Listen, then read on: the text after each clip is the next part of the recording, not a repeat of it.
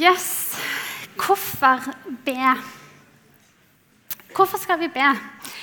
kan godt være at du har gjort deg opp noen tanker om dette her før du kom i kveld. Eh, eller så kan det godt være at du ikke visste at det var det som skulle snakkes om i kveld. og det er helt greit. Men jeg har lyst til at vi skal sette av 30 sekunder hvor du skal få lov å tenke på akkurat dette spørsmålet. Hvorfor be?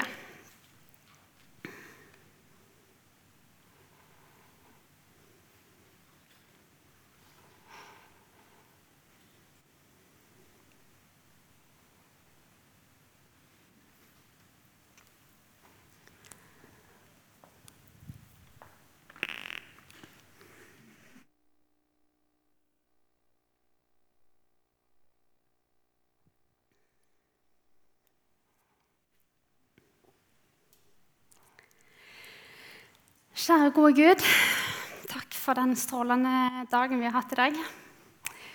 Takk for eh, at du er her, Gud. Takk for at du eh, elsker oss, du bryr deg om oss, og du ønsker at vi skal få be til deg, Gud.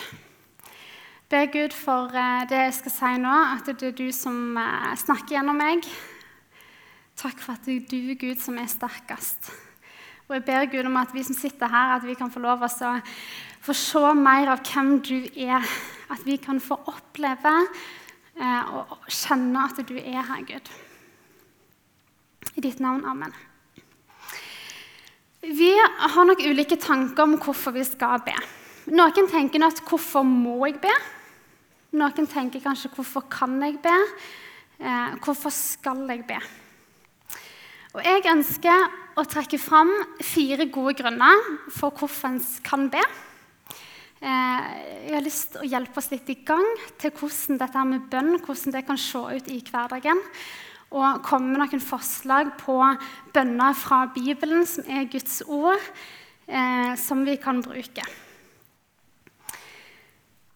Og Siden dette er et veldig svært tema, dette med bønn, så kommer eh, noen av dere helt sikkert til å savne noe av det jeg sier. Det er helt greit. Og så har jeg ikke mulighet til å ta alt, og det er masse jeg sjøl ikke kan ta med, som jeg har lyst å dele med andre. Men jeg tror at Gud har gitt meg noe som vi i Misjonssalen ønsker, og vi har godt av å vite. Eh, det andre får vi ta en annen gang. Og så fins det mange gode grunner for å be. Mange gode grunner. Men jeg ønsker å trekke fram fire stykk fordi at dette er grunner som har betydd masse for meg i min hverdag og i mitt, mitt bønneliv. Og så tror jeg det er noe som er relevant for alle oss som sitter her. Det første er at Jesus han banker på hjertedøra di. I åpenbaringene 3,20 så står det Se, jeg står for døren og banker. Om noen hører min røst og åpner døren, vil jeg gå inn til ham og holde måltid. Jeg med ham og han med meg. Dette er det Jesus som sier.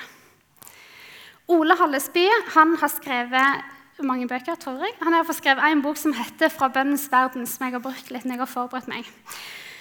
Og han forklarer bønn at det er ja, sorry, det er å lukke Jesus inn. Med andre ord så er ikke bønn eh, noe som setter Jesus i bevegelse. Han er der, han er alltid nær. Eh, vi trenger kun å lukke opp for han, og så går han gladelig inn. Videre så skriver Handlesby at bønn det er ikke for å gjøre Gud snill og gavmild, for det er han for evigheten av. Bønn er ikke for å gi Gud veiledning om hva vi behøver og hva vi trenger, for det vet han bedre enn det vi gjør. Det er heller ikke til å hente Guds gaver fra himmelen ned til oss, for det er det han som gjør. Men ved å banke på hjertedøra vår så minner han oss på at det er han som vil bringe deg inn til oss. Så skriver han òg Nei, vår bønn har bare den oppgave å svare ja når han banker. Og lukke sjelen opp og gi ham adgang til å legge bønnhørselen inn til oss. Og Gud han har lova at han skal vise oss den veien som vi skal gå. Han lar sitt øye hvile på oss og gir oss råd, står det i Salme 32, 8. Og Noen kapitler senere sier David at 'jeg vender alltid mine øyne mot Herren'. Og En annen bok jeg har brukt litt når jeg har forberedt meg, det er Oddvar Søvik sin bok 'Frambønn fremfor alt'. Eh, og Den anbefaler jeg at dere leser. Men der sier Søvik at det er dette som er grunnposisjonen for å kunne se Guds ledelse. Det er å løfte blikket opp mot Herren. Og Ofte så tror jeg at vi ikke erfarer eller iallfall klarer å se Guds ledelse i livet våre. Men er det egentlig veldig rart. Hvordan ser dagene våre ut? Er de ganske fulle? Min bok, eller timebok ser i alle fall stappfull ut. Det er alt fra å være med venner, familie, trening, jobb, lage middag, drikke kaffe. Jeg er veldig glad i kaffe, så jeg bruker masse tid på det. Det er å ja, styremøter, ungdomsopplegg osv. osv. Men hvis jeg skal være helt ærlig med meg sjøl, hvor masse tid bruker jeg helt stille sammen med Gud? Bare sitte og lytte til han. Altså, er det ikke noe sært over det å bare være stille? Jeg har den oppfatningen at flere tenker at det er litt sært. Eller litt sånn rart, litt spesielt, litt ubehagelig. Jeg tror at det ikke er så veldig rart. Eh, jeg tror det handler om at vi ikke er vant til det. Vi er så veldig vant til å fylle opp dagene våre med alt mulig. Salme 37, 37,7 så står det Vær stille for Herren og vent på ham. Klagesangene 326. Det er godt å være stille og vente på hjelp fra Herren. De i Bibelen som fikk se Guds ledelse, de var ikke noen spesielle mennesker. De var helt like oss. De hadde feil, de hadde mangler, men de levde tett på Gud. Og kanskje kan vi lære noe av dem. Mange brukte tid i stillhet og bønn til Gud. Og gjennom dette blant annet, så fikk de se Guds ledelse. Og det tror jeg kan være en grunn til at vi av og til ikke klarer å se at Gud har en plan med det livet som vi har fått av Han. Kanskje kan vi sette litt mer tid i hverdagen vår til å bare være stille. Jeg er ikke så flink til å huske å trykke, men jeg skal prøve. Det andre gode grunnen det er at bønn det er en gave fra Gud. Det er noe gratis. Det er en måte vi har fått fra Gud for å kunne snakke med han. Og Jeg ser for meg at han sier liksom, 'Menneske, her har du bønnen.' Dette er noe jeg gir til deg fordi jeg elsker deg. Jeg bryr meg om deg. Og jeg ønsker å ha kontakt med deg. Jeg ønsker å snakke med deg, menneske. Jeg ønsker å høre hvordan du har det til enhver tid. Hva du blir glad for, hva du blir sur på. Hvem du elsker å henge med, hvem du misliker å henge med. Jeg ønsker å høre hele livet ditt. Alle deler av livet ditt. Og jeg personlig jeg er avhengig av å snakke med Gud og be til han. Hvorfor er jeg det? Fordi jeg opplever og jeg får erfare at Jesus elsker meg. Jeg tror Jesus elsker meg. Det er han som har skapt meg. Han bryr seg om meg, um, og han vet hvordan jeg har det. Se for deg at en som du ikke kjenner spesielt eh, godt, kommer bort til deg og spør hvordan har du det sånn virkelig. Da tror jeg mange av oss syns det er veldig vanskelig å være helt ærlig. Men se for deg en som kjenner deg veldig godt, som spør deg hvordan har du det sånn virkelig. Da er det ganske masse enklere å være ærlig og svare sånn som man virkelig har det.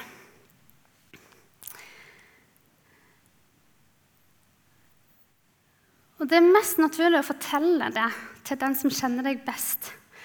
Og For meg så er det først og fremst Gud.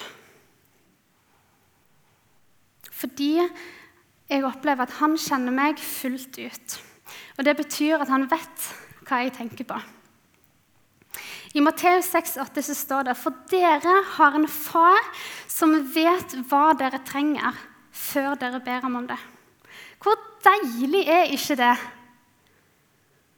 En trenger egentlig ikke å si noe, for Gud vet hva vi kommer til å si. Men så er det noe fint med det å faktisk fortelle hva en sitter inne med, sette ord på det. For min del så handler det om å få ting ut av hodet og legge det på Gud. Hvis jeg sitter inne med det sjøl, så har jeg så lett for å, at jeg skal ha kontrollen. Jeg skal styre ting. Men sånn er ikke livet som kristen. Der er det Gud skal få, som skal få ha kontrollen. Det er han som skal få lov å styre det. Og For oss som er kristne, så er Gud vår far. Sorry eh, vår pappa. Og hva sier det om hvem du som er kristen, hvem du er? Jo, du er Guds barn. Asbjørn Handland han sier i en film hvor han forklarer bønn på nettsida foross.no, at høres din bønn ut som fra et barn? Vi er Guds barn.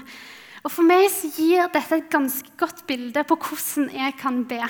Jeg kan be som et barn. Noen barn de kan ikke snakke.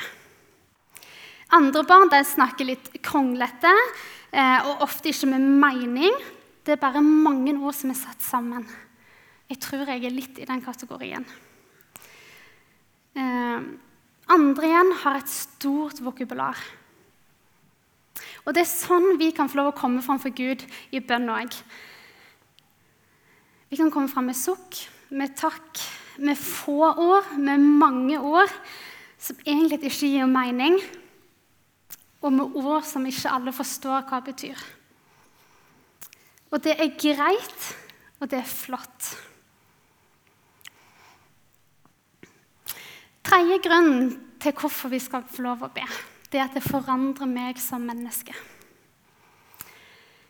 Bønn det forandrer ikke Gud. Han er den samme uansett. Og det at det forandrer meg som menneske, det har jeg fått lov å erfare. Jeg har fått oppleve det, og noe som jeg vet at mange kristne har fått erfare. For meg så er bønn blitt en nødvendighet. Men ofte så ber vi for å få vår vilje den må skje her på jorda, og helst nå. Vi har lett for å be om ting som for at Gud skal tjene oss og gjøre ting for oss. Men det er tross alt vi som er tjenere for Gud, og Han som er vår Herre. For bønn det er ikke et middel for å få Guds vilje lik vår, men det motsatte og for vår vilje lik Guds vilje. Og I bønn så skjer nemlig dette. her. Gud han arbeider med å endre vår vilje til hans. Og det er ikke fordi at han ikke kan gi oss noe godt. For det gjør han, men han har lyst til å gi oss det beste. Og det gjør han når vi ser hva som er hans vilje. Og etter hvert så gleder vi oss med de som er glade. Vi lider med de som har det fælt. Vi ønsker det som Gud ønsker. Vi elsker de som Gud elsker. Og Det går nemlig ikke an å bli likegyldig overfor de en ber for. Vi forvandles, og det er det Gud ønsker. Vi blir mer lik Jesus. Og Gud sier i Romane 8,28 at han ønsker at vi skal bli formet etter sin sønns bilde. Og dette kan vi bli gjennom bønn. Og det, Når det er snakk om Guds vilje, min vilje, forandrer meg som menneske, så tror jeg vi må inn på et viktig punkt. Og Det handler om det som Jesus ber om i Getsemane før han skal dø på korset. Da ber han far, om du vil, så ta dette begeret eh, fra meg. Men ikke la din vilje skje, la, ikke la min vilje skje, la din, sier Jesus. Og han Oddvar Søvik, som jeg har henta litt inspirasjon fra, han skriver at Gud han har en frelsesplan som ikke kan forandres. Blant annet denne bønnen som Jesus ber i Getsemane. Den kunne ikke Gud oppfylle. Og så skriver han videre i sin evige kjærlighet hadde Gud bestemt at Jesus skulle dø i vårt sted. I Getsemane så ber Jesus om at Guds vilje skal skje. Jeg er overbevist om, og jeg tror at Guds vilje er den beste. Eh, og dette kan kanskje være litt touchy for noen. For det kan være vanskelig å forstå at fæle ting skjer. Når han har bedt om det motsatte, eh, at det er Guds vilje. Og Jeg skal ikke gå mer inn på hvorfor noe er Guds vilje, og hvorfor noe ikke er Guds vilje. Men jeg ønsker at vi skal få se hvor stor kjærlighet det ligger i bønn. Å be om Guds vilje det hjelper oss til å la Guds vilje og Guds hjerte bli vår vilje og vårt hjerte. I Johannes, nei, 1. Johannes 5, 14-15 så står det Og dette er vår frimodige tillit til ham at han hører oss når vi ber om noe som er etter hans vilje. Og når vi vet at han hører oss hva vi enn ber om, så vet vi at vi allerede har det vi har bedt ham om. Når vi ber etter Guds vilje, så tror jeg at vi vil få et omvendende syn på hvem Gud er, og hvor stor kjærlighet det ligger i bønn. Og dette skjer over tid. Det å leve med Guds vilje og ønske, det er en prosess. Romerne 12 det er et, eh, kapittel jeg ønsker, og jeg anbefaler dere å lese når dere kommer hjem. Men det er et eh, kapittel som handler om hvordan vi skal leve som kristne. Det, for min del så kjenner jeg at det er et veldig utfordrende kapittel. Spesielt i den verden som vi lever i. Men i vers 2 så står det Innrett dere ikke etter den nåværende verden, men la dere forvandle ved at sinnet fornyes, så dere kan dømme om hva som er Guds vilje. Det gode, det som er til glede for Gud, det fullkomne. Det er Guds ønske at vi skal se hva som er hans ønske og vilje. Det er klart at vi kan be om hva vi vil framfor Gud. Det gjorde Jesus òg i Getsemane. Han ba om sitt ønske. Kjære Gud, la dette begeret gå meg forbi. Jesus han er forbildet for oss, og da kan vi få lov å be om det vi ønsker. Men så stopper ikke bønnen til Jesus der med hans, vilje, med, med hans ønske. Han ender bønnen med at 'ikke la min vilje skje, men din'. Og Da håper jeg at det òg kan være et forbilde for oss, at vi begynner å be det. Og Gud han kjenner oss, og han vet hva vi ønsker og vil, og han vil at vi skal si det til han. Um, og Dette er noe som jeg hele veien prøver å trene meg på, å be denne bønnen. Og så ønsker jeg og så oppmuntrer jeg deg til å gjøre det samme. Gjør det som Jesus gjorde i Getsemane. Tør å be om Guds vilje, selv om det kanskje er noe annet du ønsker.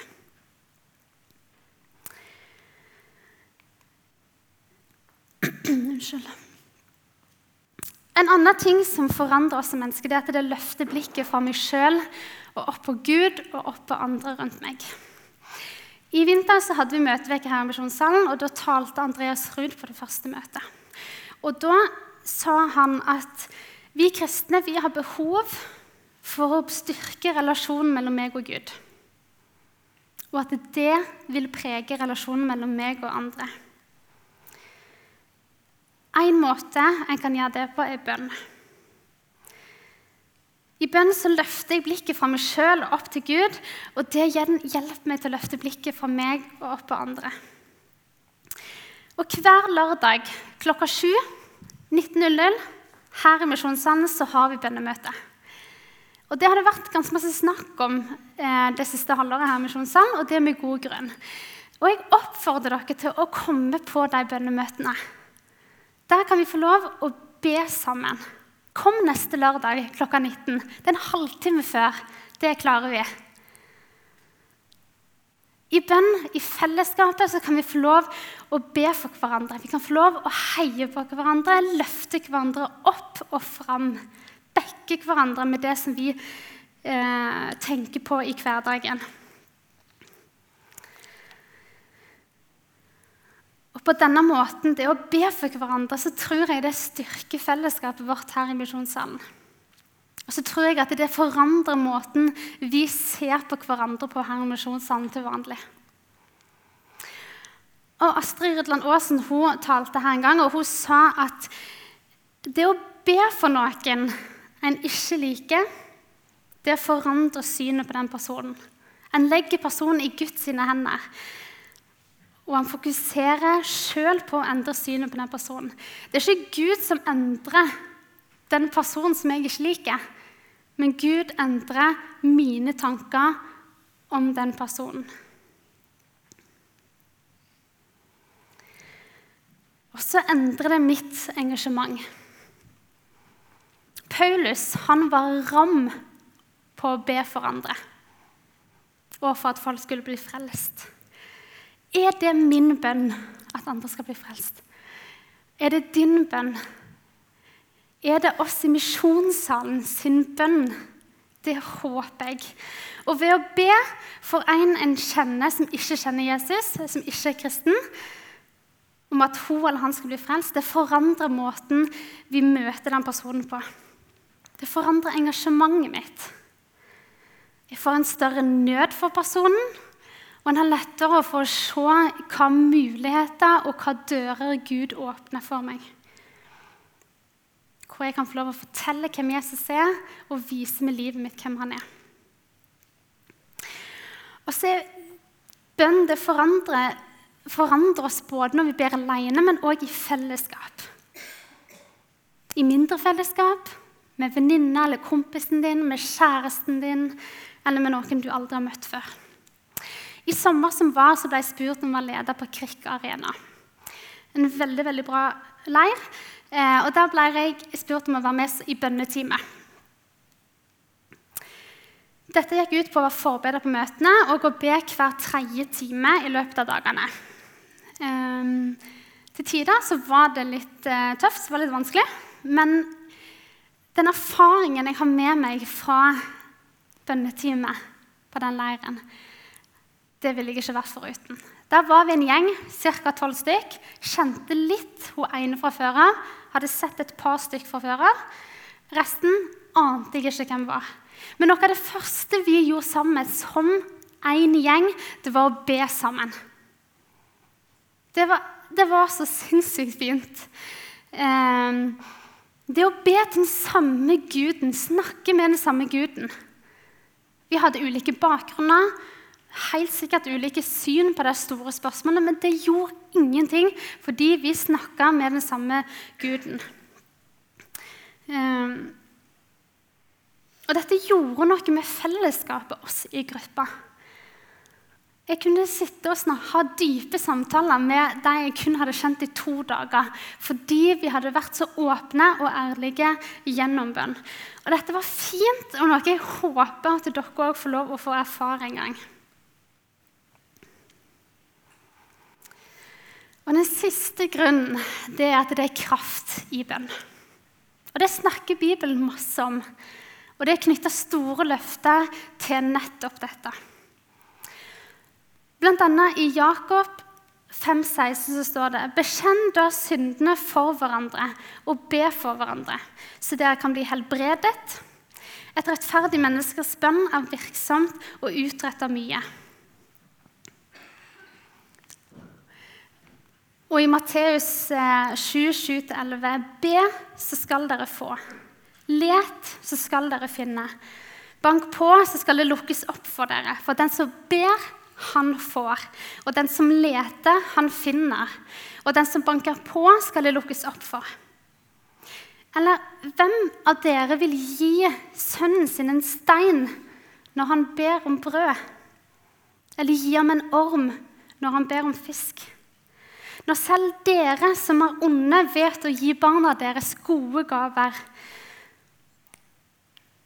Ehm, hvor mye mer skal ikke da deres far i himmelen gi gode gaver til dem som ber ham?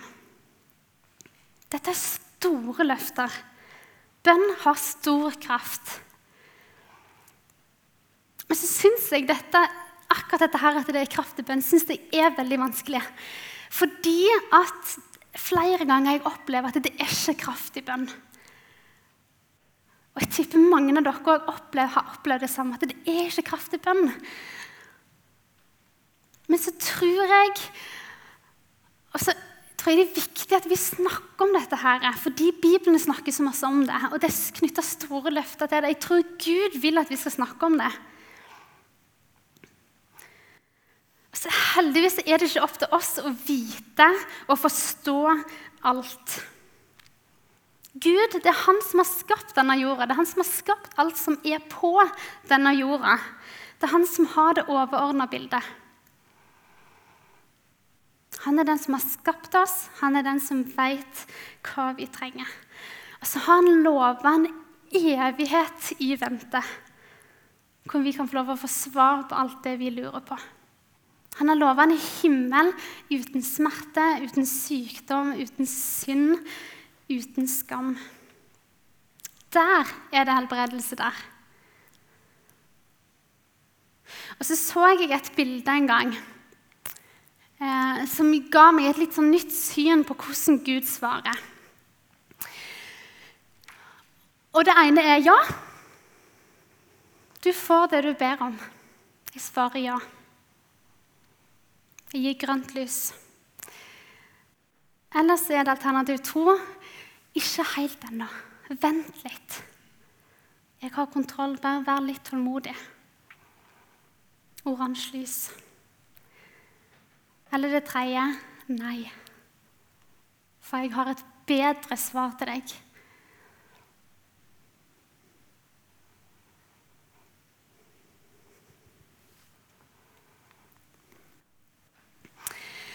Så hvordan kan dette her se ut i livet vårt? i hverdagen. Først og fremst vil jeg si at vi kan be hvor som helst, når som helst og hvordan som helst. Vi kan folde hender, vi kan løfte hender, vi kan bøye kne, vi kan ligge på magen og be, vi kan ligge i fosterstilling, vi kan eh, be på trikken, på do, i det gøye eller i det dritkjedelige familieselskapet. Vi kan be overalt og alltid. Er ikke det rått? Tenk, menneske, har du en gave fra meg. Det kan du bruke overalt. Du kan bruke det alltid. Du kan bruke det på akkurat den måten du vil. Og Det er ikke noen fasit på hvordan dette med bønn skal bli gjort. Det er ingen oppgave du skal fullføre. Gjør det på din måte, sånn som du vil. Om det er å be høyt, eller om det er å be lavt. Gjør det som passer deg i din situasjon. Og Heldigvis er ikke Gud avhengig av volum for å høre stemmen din.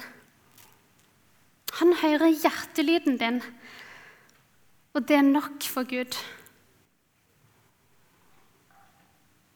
Jeg vet at flere opplever kall det et press for å be høyt når en ber sammen med andre kristne.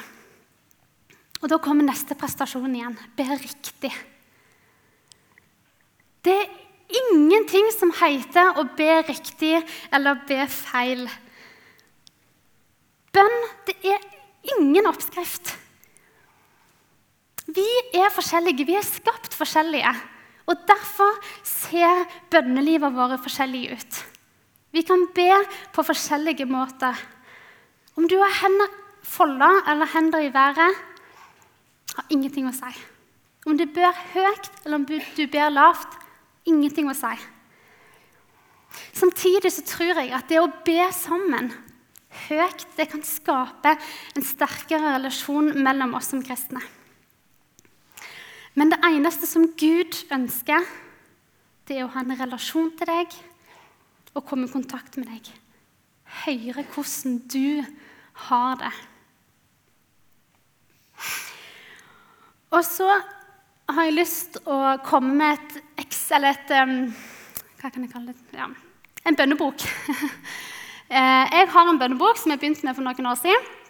Den blir brukt eh, av og til veldig aktivt, og av og til ikke så aktivt.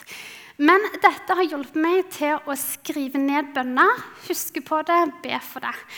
Og da får en òg sett hva en får bønnesvar på, og hva bønnesvaret er, ikke minst. Min bok den ser sånn ut. Eh, jeg har ikke begynt på mai ennå. Det kommer. Men da er det først skriver jeg måned og år øverst. Så har jeg en bolk som heter bønneemne, og så har jeg en bolk som heter bønnesvar. Og I løpet av måneden som går, så skriver jeg ned ulike enten folk jeg for, har lyst til å be for, situasjoner, ting som rører seg i vennegjengen, folk jeg aldri har møtt, som jeg bare får for meg at han eller hun eller deg eller det skal jeg be for. Og så ber jeg for den den måneden. Og så kanskje noen måneder seinere så blar jeg tilbake til mai 2018, og så ser jeg hm, den der den har jeg fått bønnesvar på. Så skriver jeg ned hva svaret ble, hvordan det gikk, hvordan det går med dem. Og så er det fortsatt ting jeg ikke har fått svar på fra januar 2015. Det er ting jeg aldri kommer til å få svar på hvis det er folk jeg ikke kjenner meg, som jeg har fått for meg jeg skal be for. Jeg aner ikke hvordan det går med dem i dag, men det gjør ingenting. For min del så har dette hjulpet meg til å holde bønnelivet mitt aktivt.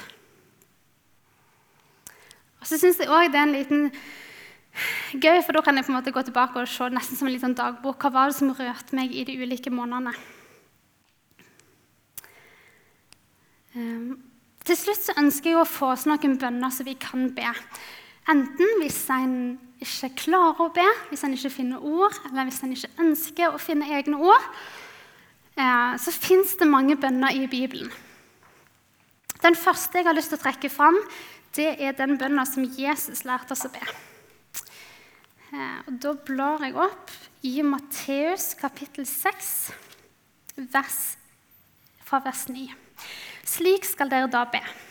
Vår Far i himmelen, la navnet ditt helliges. La riket ditt komme. La viljen din skje på jorda, sånn som i himmelen. Gi oss i dag vårt daglige brød, og tilgi oss vår skyld, sånn også vi har tilgitt, slik også vi tilgir våre skyldnere. Og la oss ikke komme i fristelse, men frels oss fra det onde. For riket er ditt, og makten og æren i evighet. Amen. Salmene har drøssevis av bønner du kan bruke. Altså, hvis du bruker disse bønnene, la det bli din bønn. Gjør det til din egen bønn. Jeg har lyst til å trekke spesielt fram kapittel 51. Jeg skal bare lese kapittel, nei, vers 12. Resten kan dere lese hjemme. Men Gud, skap i meg et rent hjerte. Gi meg en ny og stødig ånd.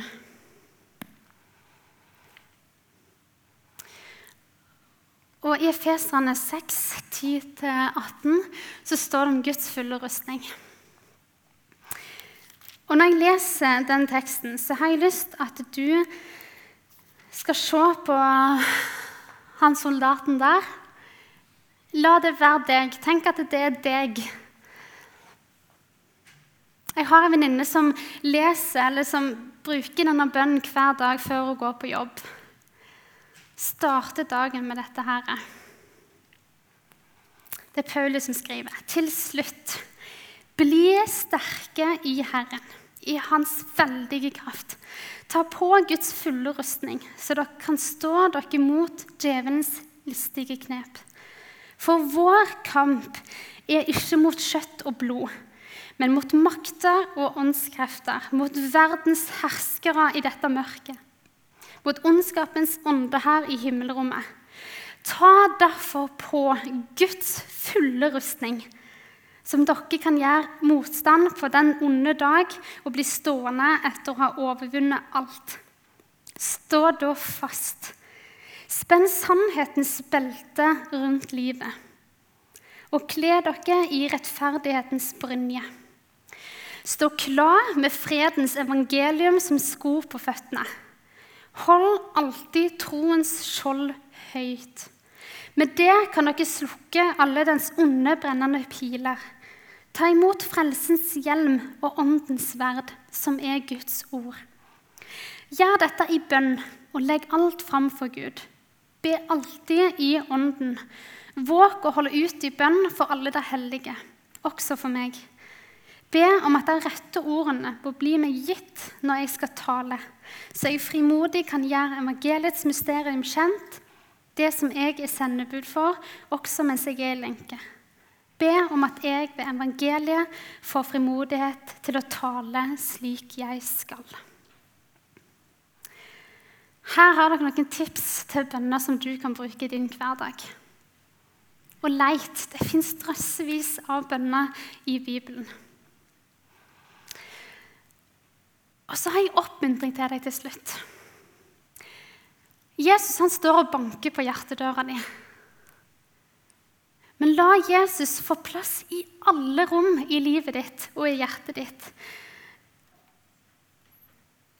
Jeg tror mange kanskje lar Jesus få plass i noen, eller kanskje de fleste dørene i hjertet vårt og i livet vårt.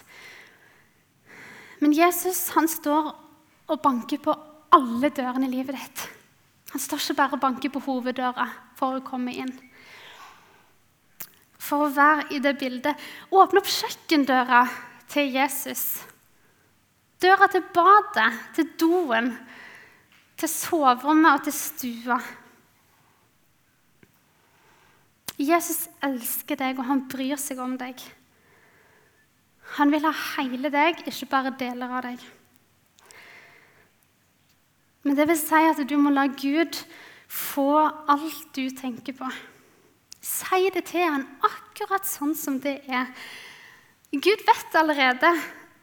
Ingenting som kommer overraskende på han, heldigvis. Men så kan det være fint og noe som forandrer oss. Det å gi hele livet vårt til Gud.